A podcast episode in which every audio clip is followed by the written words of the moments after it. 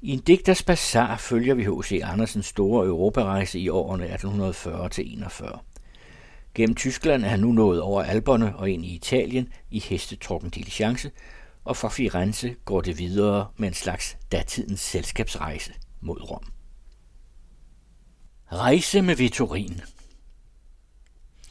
Den sædvanligste måde at rejse på gennem Italien er at rejse med Vittorin. Han arrangerer det hele, men så må man holde, hvor han vil, spise, hvad han lader sætte på bordet, sove det sted, han behager at vælge for os. Middagsmad og logi er altid med i akkorden. Men rejsen var altid dobbelt så længe, som når man tager med posten. Det er også ganske karakteristisk, at man efter at være blevet enige med manden, ikke giver ham penge på hånden, men han derimod giver os. De han er sikker på, at vi ikke løber fra ham. Men vi kunne ikke være det med hensyn til ham – til bliver der ham budt en højere pris end den, vi har akkorderet om, da tager han mod den højst bydende og lader os blive tilbage med, hvad vi har fået. Sædvanligt er afrejsen bestemt før solen står op, men da veturinen har sine passagerer afhente på forskellige steder i byen, og ikke alle hører til de morgenduelige, nogen skulle først vækkes, når han kommer, andre står endnu i færd med indpakningen, så bliver det sent på morgenen, før hans sidste passager kan komme i vognen. Jeg hører nu til dem, der står op midt om natten, når jeg skal afsted i den tidlige morgenstund. Og således var jeg da også op her. Havde alt i stand for at forlade Florens og over Terni rejse til Rom. En rejse, der ved Turin var hele seks dage. Vejen over Siena er derimod kortere. Jeg kendte dem begge og valgte den interessanteste, om end den længste. Klokken tre skulle vi Turinen afsted. Jeg stod en time tidligere rejseklædt og stirrede på kuffert og natsæk. Jeg lod tøjet bære ned, før man ej skulle vente på mig. Klokken slog halv tre. Der kom ingen vogn. Klokken slog fire. Nu rullede det gennem gaderne. Der kom en veturin. Han, han kørte forbi. Der kom en anden. Også han gik forbi. Og alt var stille. Klokken slog kvarterslag, og er der kvarterslag. Klosterklokkerne ringede til bøn. Hotellets klokker ringede til opvartning. På gaden kom vogne nok, men ingen til mig. Klokken slog fem, den slog seks. Jeg var forvisset om, at man havde glemt mig. Og så kom vognen. Indeni sad en svær englænder. Han havde sovet endnu, da veturinen ville hente ham. Der sad en romersk dame. Hun havde besøgt sin datter i Firenze, og afskeden havde været en time, sagde veturinen. Men nu skulle det gå i galop, når jeg først var kommet ind. Pisken smældede, vi rullede over Arno, og så holdt vi. Det var uden for et kloster, nogle gejstlige kom ud. En ung bleg broder af Kamaldulenserordnen steg op i kupéen hos mig. Han var en englænder, kun lidt fransk, men øh, det var ikke tænkeligt at få en samtale med ham.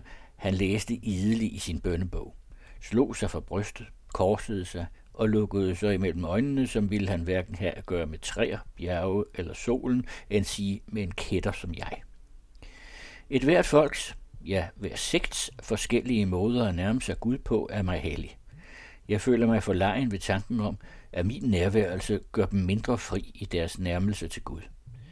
Således også her ved siden af denne, den ivrigste katolik, jeg endnu havde mødt. Men da jeg efterhånden mærkede, hvor aldeles han levede i sig og sine former, blev jeg også fri.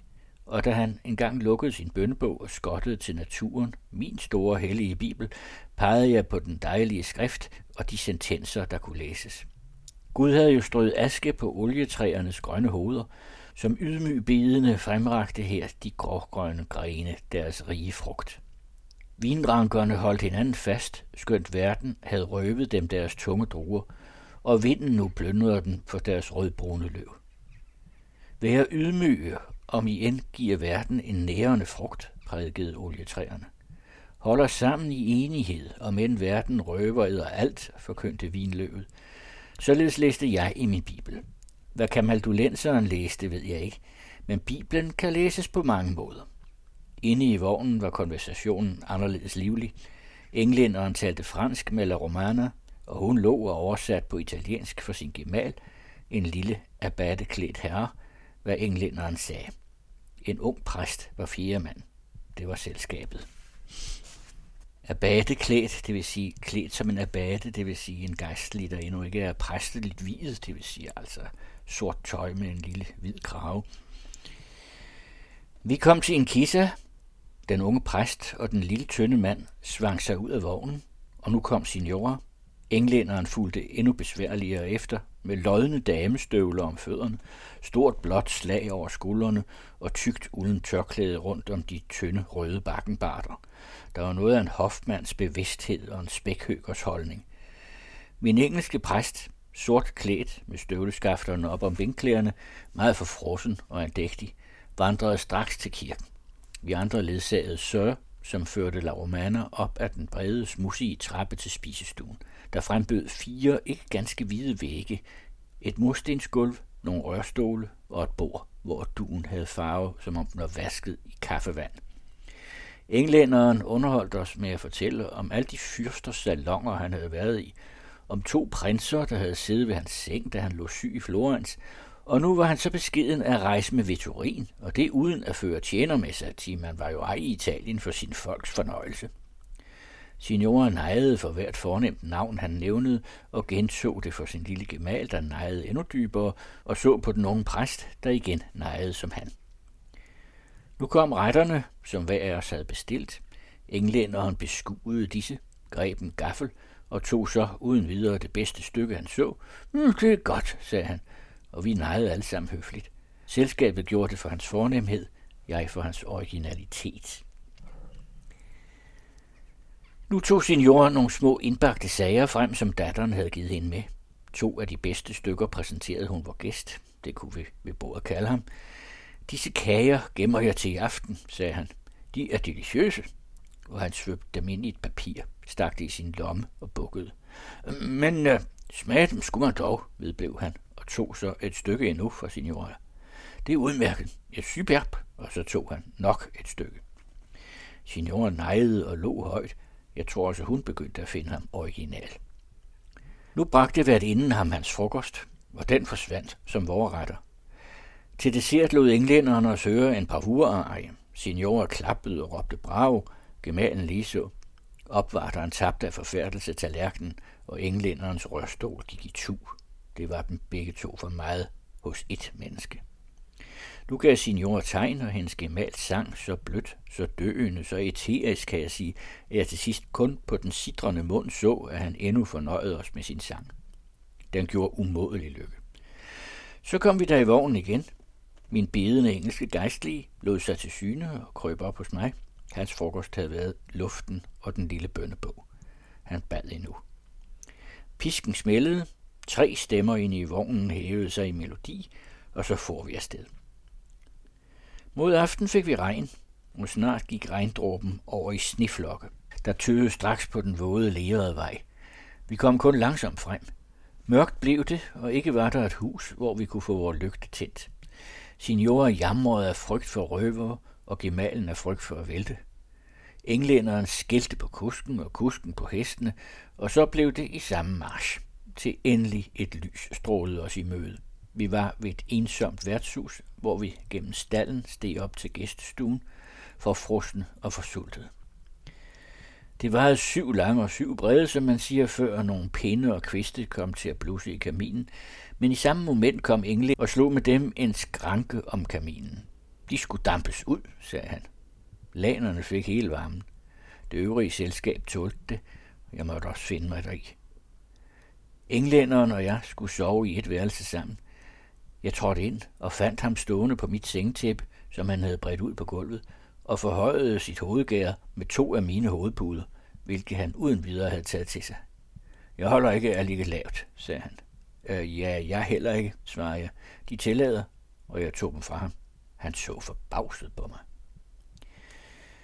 Det var en utålelig sovekammerat. Han udbad sig en opvartning, der til sidst kun kunne besvares ved, at jeg gik til sengs.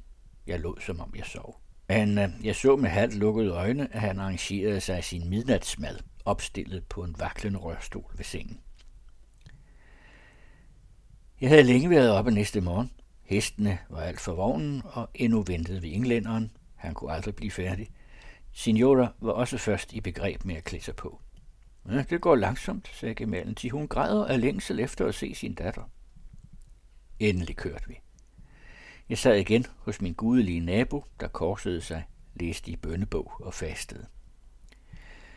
I Arezzo måtte vi gøre holdt, til begge præsterne skulle bede, og seniorer måtte absolut skrifte, sagde hun. Herfra blev alt rundt om olieskov. Den ene trægruppe åbenbarede sig efter den anden. Olietræet ligner mest pilen, men grenene skyder ikke frem i stive vidjer, de bugter sig mere. Bladet er mindre, og stammen selv ser ud som en kæmpe hånd havde revet den fra jorden, drejet den rundt og derpå ladet den stå, svejende i stormen. Over den grågrønne olieskov hævede sig på klippen det gamle Castellone, en af Italiens mest skidende, men også mest maleriske byer. Jeg ved ikke bedre at tydeliggøre billedet af den, end at sige, at den ser ud som om den var opstået ved, at man havde taget de huse og krænkelkroge, der var alt for elendige i andre byer, og kastet dem her bag den gamle mur, som de dog ragede ud over. Disse små hængende haver er egentlig kun bilinger af terrasser. Man har klistret som balkonger under et vindue eller over en dør. Der på huset, hvor man mindst ventede det. En del af byens mur danner et slags forum for folket. Pladsen her var ganske opfyldt af mennesker. Den stejle vej op til byens port vrimlede ligeledes af ridende og gående, men ingen kirkeklokker klang, ingen faner vejede, ellers ville jeg have troet, at her var en stor fest. For alle sideveje og på landevejen selv, hvor vi kørte, myldrede der med mennesker og med svin. Store, grøntende flokke. En tung sky hang os over hovedet og sendte sine dråber, og derfor udspændte de ridende deres paraplyer, der næsten alle var guldgrønne og så kolossale, at man kun så det grønne tag og æslets bagdel, der hvor en munk eller en landsbydonna red foran os. Der var en skrigen, en grønten og en lystighed, jo nærmere vi kom til værtshuset, der ligger tæt under vejen ved byens port. I Castellone var svinemarked. Signor steg baglæns ud af vognen, netop i det en hel hjort af svin blev drevet forbi. Den halve drift løb ind under vognen. Det så ud som det sorte havs bølger, og seniorer trådte på det sorte hav og gyngede på det, som en travesteret Venus anadiomene. Hun skreg. Bølgerne skreg, og driveren skreg. Det var et livsmoment for signora. I værtshuset kom vi til bords. Der var en befalen af englænderen, en råben, så hele huset var forvisset om, at han var en forklædt prins, og at der ville vanke kongelige drikkepenge. De hørte kun ham, de løb kun for ham, blev udskældt og sparket, og til alt, hvad han sagde og gjorde, smilede de og bøjede sig. Men han gav slet ingen drikkepenge. Øh, til jeg er meget misfornøjet, sagde han. Jeg er misfornøjet med maden, med huset, med opvartningen. Og de forbløffede opvartere bøjede sig endnu dybere, og begge præsterne tog hattene af, da han steg vognen. Inde i denne var der snævert og genert. Han var så behængt med æsker og fotoraler, at enhver derinde måtte forholde sig besindig, skulle det gå godt. Den hele bepakning var englænderens, og dog, som han pralede af, betalte han mindst af os alle. Den bedste plads havde han taget, og kom en æske eller en pakke ham for nær, så blev den skudt over til de andre. Ti det generer det tøj, sagde han. Og det gjorde det, men alle sager var hans egne. Selv det store fotoral, han hæftede hen i nakken på sin jord. Ved Lago di Perugia forlod vi det toskanske gebet og kom ind på det pavelige. Luganen, det er tolvstationen her, så ud som en forladt staldbygning, men den ligger smukt på bjergsiden midt i en olieskov. Som ud over terrasser ser man ned til søen. Solen kastede stærke røde stråler på træerne, og smukke bønderpiger med hvide slør over skuldrene drev kvæg forbi. Jeg glædede mig ved beskuelsen af dette levende billede, mens doganebetjenten beskuede indholdet af vores kufferter. Det blev mørkt, før vi kom afsted. Vejen var tung, og vores heste meget udmattede. Kun langsomt gik det fremad. Veturinen sagde, at vejen her var ikke sikker. Det vil sige, vi havde ingen røver at frygte for, men tyve, der kunne stjæle kufferterne bag af vognen. Signora græd højt. To og to skiftedes vi nu til at gå bagefter for at passe på. Det var en tung, leret skovvej, der kun oplystes af vores tavlige vognlygte. Nu gik den også op ad bakke. Hestene pustede, englænderen brummede, og signor sukkede fra sit hjertes dybeste dyb. Sildigt nåede vi landsbyen Passignora, der af alle rejsende betragtes som et ægte røverhul. To svære, kaleagtige piger, hver så ud som en røverbrud, kraftige og blomstrende, vartede op i det smudsige værtshus. Vi fik en suppe, som vi gav smag ved at komme meget salt, ost og peber i. Vi fik kogte og derpå stegte små fisk, hver så store som en finger. Vinen var eddike sur, druerne mugne og brødet hårdt som en sten. Sengene var alle lige så brede, som de var lange. De synes indrettet til fire personer på langs og fire personer på tværs. Udenfor skyllede regnen ned hele natten. Da vi om morgenen skulle forlade værtshuset, og vi ville stige ned ad den stejle stentrappe, der gik lodret gennem to etager, trådte vor vel indpakkede englænder i noget, jeg ved ej hvad, og rutsjede nu fra det øverste trin, nok så graciøst, ned ad hele trappen, trin for trin, men det satte ham ikke i bedre humør. Til Perugia går vejen opad, og vi havde fået okser til forspand. De gik fod for fod. Aldrig synes vi at skulle nå den gode stad, der er mere berømt ved pottemagerens søn end ved alle sine bisper. Pottemagerens søn, det er maleren Rafael. Endelig var vi der. Gangen i hotellet var ganske overlæsset med våbenskjolde. Et var ophængt for hver fyrste, der havde tilbragt en nat. Også de danske vildmænd fandt jeg her. De synes især at interessere signora, da hun hørte af mig, at de var mine landsmænd, og ganske naivt spurgte hun, om man i vores kolde land gik således klædt. Den forfrosne, bedende kamaldulenser forlod os her. Ingen af os sagde han farvel. Nu havde jeg da endelig en god plads. Hele kupéen var min. Jeg kunne ene ret sidde og se mig om mellem de smukke bjerge. For to personer var virkelig denne plads for lille. Vi skulle afsted, hvor tykke englænder balancerede op til mig. Han ville nyde udsigten. Jeg forsikrede, at pladsen ikke var stor nok for ham. Det er ubehageligt, sagde han, og knugede sig fast i det, han bestandig gemmer ret i, at har ikke kunne sidde to. Han foreslog mig derfor at krybe ind i vognen, men jeg fortalte ham, at det var just for naturens skyld, at jeg havde lejet denne plads. Jeg, jeg bliver her også for naturens skyld, sagde han. Vi havde kun kørt en lille strækning, så lukkede han øjnene og bad mig puffe til sig, når der kom noget smukt. Jeg gjorde det et par gange, men så udbad han sig, at jeg kun ville puffe, når der kom noget ganske ualmindeligt skønt. Jeg lod ham sove. Ved Assisi, den hellige Frances by, besøgte vi i landsbyen kirken Delangeli, signorer skulle skrifte. Hvor englænder lod sig alene føre om og se mærkværdighederne. De han så ikke så godt i kompani, ytrede han. Munken, der førte ham om, fik hverken penge eller tak. Ah, de kalde har intet andet at gøre, sagde han, da signora gav ham en bebrejdelse. Fra dette øjeblik blev forholdet mellem dem mere koldt.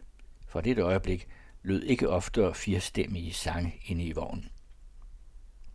Aldrig har jeg før mødt et menneske med en sådan, ja, hvad skal jeg kalde det, en sådan ubevidst uforskammenhed. Alle skulle leve for ham. Alle indrette sig efter hans bekvemmelighed. Aldrig sagde han en kompliment, uden at den forvandlede sig i hans mund til en grovhed. Jeg kom til sidst i hans selskab til at tænke på eventyret om den onde stemor, der efter at hendes mands datter var vendt tilbage fra brønden, hvor hun havde kastet hende, og guld og roser sprang ud af pigens mund, når hun talte, kastede sin egen onde datter i brønden, men da hun kom op, var hun endnu værre end før, og ved hvert år sprang en frø eller et firben ud af munden. Jo mere jeg så på englænderen, jo mere jeg hørte ham tale, blev jeg vis på, at han var kødelig bror til stemorens onde datter. Hvor gjorde han os ikke aftenerne uhyggelige i det fredelige Spoleto? Hvor ilden brændte så velsignet på kaminen, hvor musikken lød så smuk fra gaden, hvor folket jublede uden for kirken, Evive Madonna, Evive Jesus Kristus. Før solen var oppe, var vi til vogns igen, og så længe det var ret morgenkoldt, havde jeg min plads alene. Det var godt vejr, men bjergene var smuk. Mange træer stod ganske grønne. Den ene lille by straks ved den anden rejste sig ovenover os, hver lå som en sfinks på bjerget, og syntes at spørge, ved du, hvad der her lever og rører sig? Vi får forbi. En tiggerkone knælede ned på vejen for os og kyssede jorden. Vi får forbi. Vi mødte bevæbnede soldater, som omringede en kar, på hvilken fire røvere lå lænkede, kraftige sortskækkede kale. En gammel kælling sad hos den. Hun kørte baglæns, nikkede til os og syntes at være nok så lystig. Vi for forbi. Vi var i Spoleto. En skrækkelig kal i en skiden blå kappe og med en lille fedtet rød kalot på det urette hår nærmede sig vor vogn. Jeg antog ham for en tigger og viste ham til selskabet inde i vognen. Han nærmede sig først den ene side af karetten, så den anden, men blev på hvert sted afvist. Nu det er en passager, sagde Vittorinen. Det er en nobile fra Rom. Men vi protesterede alle imod at have ham til nabo. Han så aldeles ud som særlig Job, da han skrabede sig med potteskår. Mennesket steg op hos Vittorinen, og nu var al udsigt for mig spærret.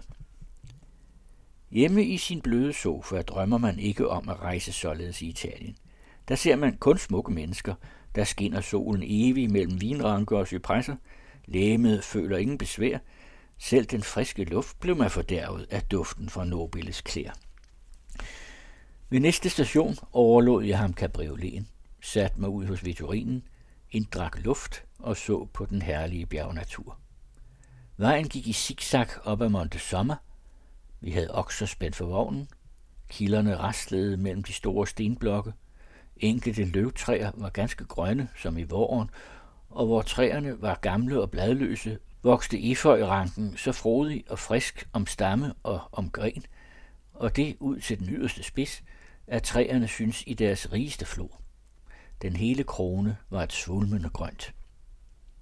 Smukke piger løb langs vognen og tilbød os frugt. Oksedriveren sang sin kanzonette og fløjtede et lystigt mellemspil dertil.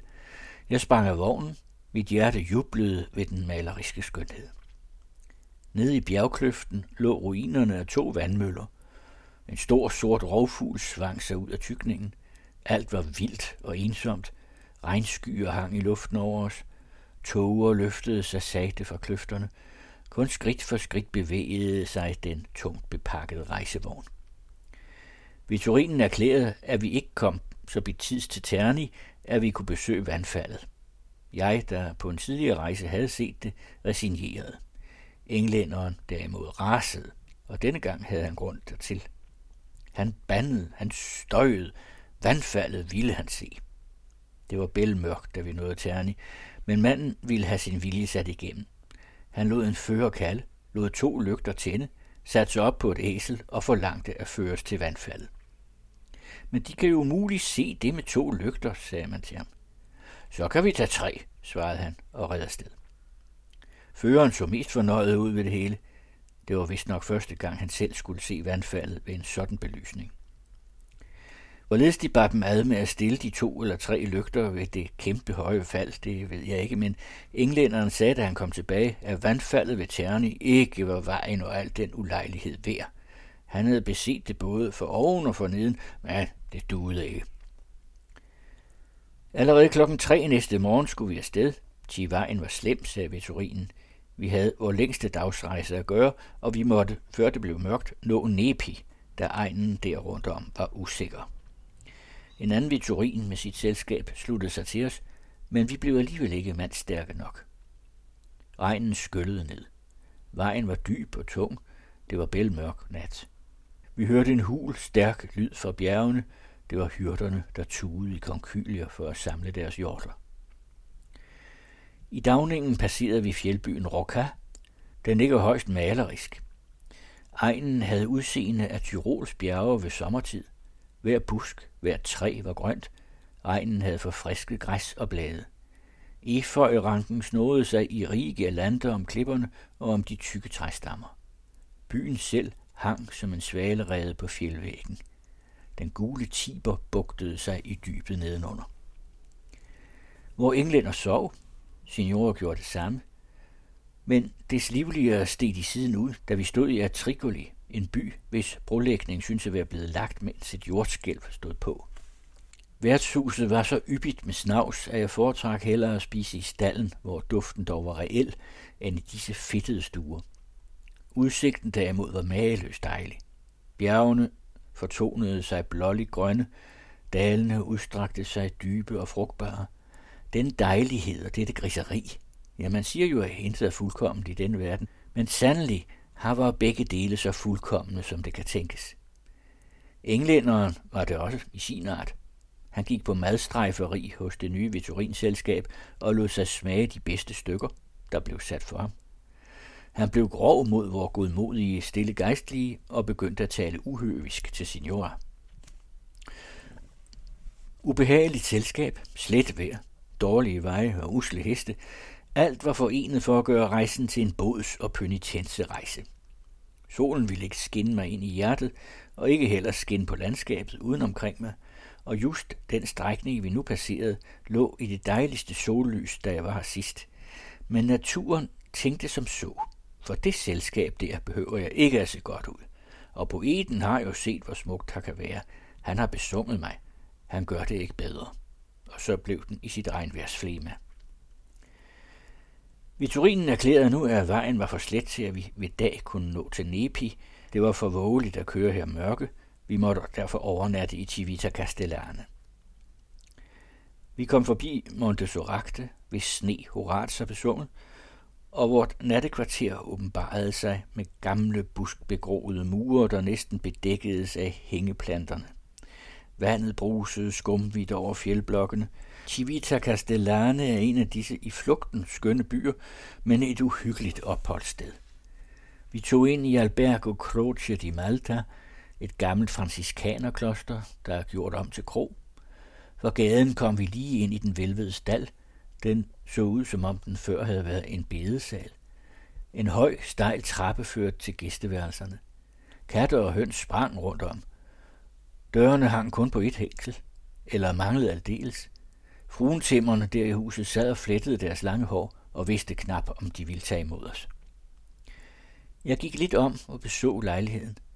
Alt var i den største uorden. I nogle værelser stod senge uden sengeklæder, vådt tøj var ophængt på stænger, i andre lå sønderslagende møbler, eller der var opstillet krukker. Men Gud ved hvad. Jeg kom ned i en snæver gård. Den omsluttede af fire skumle buegange. Midt i gården var en dyb brønd. Flagermus fløj i dusinvis over mit hoved. En lille trædør stod på klem. Den kunne hverken skydes frem eller tilbage. Jeg stak hovedet derind. Her var en fugtig, kold kirke. Jeg så de høje vinduer, men alt derinde var indhyllet i mørke. Jeg var ikke alene. Jeg hørte trin. Jeg gik til side. To sorte mænd med brede hatte, som de jesuiterne bærer, kom ind i bugangen. Viva Jesu sanguine, sagde de ganske sagte, i det de gik mig forbi. Jeg fulgte langsomt efter. Da jeg kom op, hørte jeg, at det var faldet min lod at dele værelse denne nat, enten med Nobile eller med englænderen. Jeg protesterede derimod. Tyede ind til den unge præst. Han havde fået en ret dueslag at sove i, og jeg spurgte, om jeg ikke kunne hos ham lave mig en seng på nogle stole. Jamen, jeg, jeg har nogle religiøse ceremonier, begyndte han. Jeg bad ham, at han i denne henseende aldeles ikke ville tænke på mig. Jeg sov øjeblikkeligt.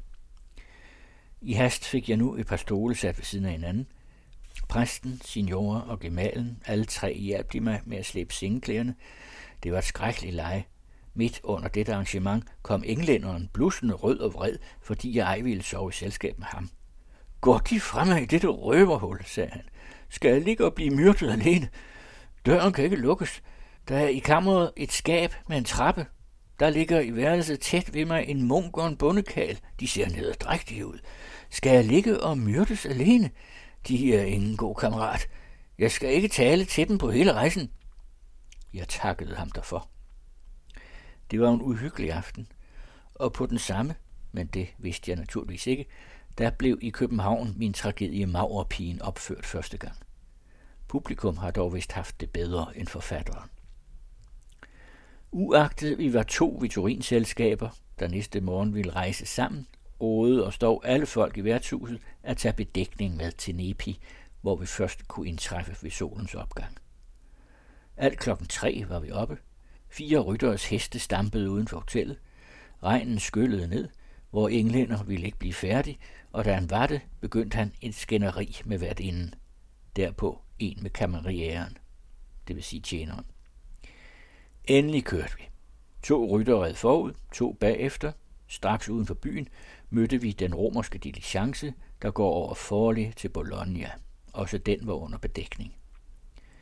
Vi passerede en lang bro, Ponte del Guglioni, kaldte Vittorinen den, og fortalte, at under denne skjulte kældringerne sig, når de så, man havde soldater med. Hvorvidt det var usikkert eller ej at rejse her, tør jeg ikke afgøre, men jeg anså rigtig nok det hele for en aftale mellem værtshusfolkene, Vitorinen og soldaterne. Disse sidste fortjente jo en lille drikkeskilling. Hverken nu, tidligere eller senere har jeg kendt til overfald i Italien. Man rejser vist nok lige så sikkert i dette land som i England og Frankrig. Det var næsten lys dag, da vi kom til Nepi, en by, der kan gælde for et pragt eksemplar af griseri og faldfærdighed. De store paladser så ud, som om de stod forladte af mennesker og overladte kun til rotter og flagermus. Spindelvæv med tykt støv hang i alle nischer og kroge, har holdt i regnvejret op, men som en tung blykuppel hang den grå luft over os. Der var en forunderlig ensomhed mellem den sidste forgrening af bjergene. Endelig var vi ved den sidste station, La Storta, en lille flække, der kun ligger nogle timer fra Rom. Det første og eneste værtshus her så ud som hos os en almindelig stald.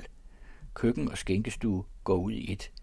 Væggene er malet skrækkeligt med landskaber, ganske som man ser dem i en dårlig laterna magica. Tykke streger og farverne glående og gale som en illumineret ABC-bog. Al lysningen kommer ind ad døren. Midt på gulvet stod en stor firkantet jernkasse med ild, og ved siden af træbord og træbænke for gæsterne. Knipper af bregner hang under loftet for fluernes skyld rimeligvis, for at de ikke skulle fordærve malerierne. Høns og flasker havde plads på gulvet. Madlugt opfyldte værelset, og man så alt i en let betoning af skorstensrøg. Udsigten gennem døren begrænsedes af en grusgrav og en møding med levende kalkuner. Vitorin og pakkevogne fyldte den øvrige plads. Hvor englænder gik øjeblikkeligt til skorstenen, betragtede de forskellige retter og tog straks af, hvad der var færdigt, det han syntes bedst om. Men madammen i La Storta drejede sig på sin hæl og rev ham øjeblikkeligt ud af hænderne, hvad han havde taget. I det hendes funklende øjne målte ham fra top til to. Han stødte hende til side. Hun spurgte, om han var gal, og viste ham derpå den mad, han havde bestilt, og som endnu skinnede ganske rå i panden. Han knep hende i hendes fede arm, og hun hævede sin køkkenkniv. Hendes gemal, en lille tyk mand, sprang til, holdt hende om livet og løftede hende fra gulvet. Hun strittede med kniven, og en strøm af ord gennemskingrede huset. Englænderen blev kogende rød i ansigtet. Han greb en rørstol og holdt foran sig. Vi fik imidlertid mailet fred, og nu spiste han. Spiste for tre personer. Jeg skal spise for to, sagde han. Jeg skal spise, for jeg har ærget mig. Spise og dog kun betale tre paroli. Hvad inden for langt imidlertid seks paroli. Vitorinen, hvis kostgænger englænderen var, ved alle måltider, jamrede højt. Vi tog Vitorinens parti, og englænderen overfusede det arme menneske. Han får ingen drikkepenge, sagde han. Jeg er misfornøjet med ham. Jeg er misfornøjet med maden, misfornøjet med selskabet. Med selskabet? spurgte signora. Ja vist, sagde han. Hun sladrer altid, snor og snor. Hvor det går, og hendes mand er dum, er stum, har ingen dannelse. Ingen dannelse, gentog signora. Hun blev ganske bleg, satte armen i siderne. Ingen dannelse. Mand, tag dit akademiske borgerbrev op af lommen og vis ham, du har dannelse. Og hendes lille mand var lige så bleg som hun. Han sagde ikke et ord. Hans øjne stirrede ganske vildt. Han trak sin tegnebog op og udfoldede et papir, som han holdt ud for englænderen. Læs, sagde signora. Læs, som de kan. Min mand, ingen dannelse. Englænder, se på mig. Ham er det, der er en råkal. Og han siger mig, at han har levet med prinser. Okser og hunde har været hans kompani. Maladetta. Jeg læser ikke, skreg englænderen midt under hendes tale og slog til papiret, satte sine hænder i siden, ligesom signor, og lod sin tunge efterligne kalkunernes pluder. I det samme stod hvert inden ved signoras side. Hun hævede sig på sin ene fod, hendes øjne lynede, hun holdt et fad blomkål i hånden, og kålen fløj over englænderens hoved. Hønsene på gulvet flagrede vildt omkring. Jeg lå. Nogle af selskabet trummede med fingrene på bordet, og et par damer, hørende til den anden Vitorins selskab, flygtede til sidedøren. Fra dette øjeblik talte ingen mere med englænderen. Han satte sig ind i vognen og lod, som om han sov. Fra La Storta begynder Roms kampagne, en græsgroet kirkegård i det store, det er det billede, den frembyder. Ingen huse, men gravruiner uden navn ligger ved vejen. Mellem de høje tisler drev hyrderne deres hjorter af får. Neros grav, råbte veturinen og pegede på et monument tæt ved vejen. Vi får forbi. Jeg øjnede St. Peters kuppel. Åh, hvor bankede mit hjerte ved at der gense Rom. Jeg kendte det grønne Monte Mario. Vi rullede over Ponte Molle og indsluttedes nu af vinjernes hvide mure, indtil vi holdt uden for Porta del Popolo. Passene blev afleveret. Vi fik vores buletta. Buletta er en kvittering. Og en soldat satte sig op på den anden vitorin, mens officeren bød os følge efter den til Doganen. Vi fulgte. Nej, ikke til Doganen, var det første ord, hvor englænder sagde. Han råbte ud af vognen. Han befalede, at den skulle køre med ham til et hotel, de han ville ikke lade trække om med sig efter soldaterbud. Til Doganen, råbte vi alle, og Vitorinen kørte derhen. I englænderens kuffert fandtes mellem klæderne en mængde stumper af vokslys. Dem har jeg for værtshusene, jeg har ligget i. De står betalte på regningen, og jeg tager med, hvad mit er. Har skiltes vi. Jeg fortsætter de kommende uger med flere uddrag fra en digters bazar her i Faraos Klassikere.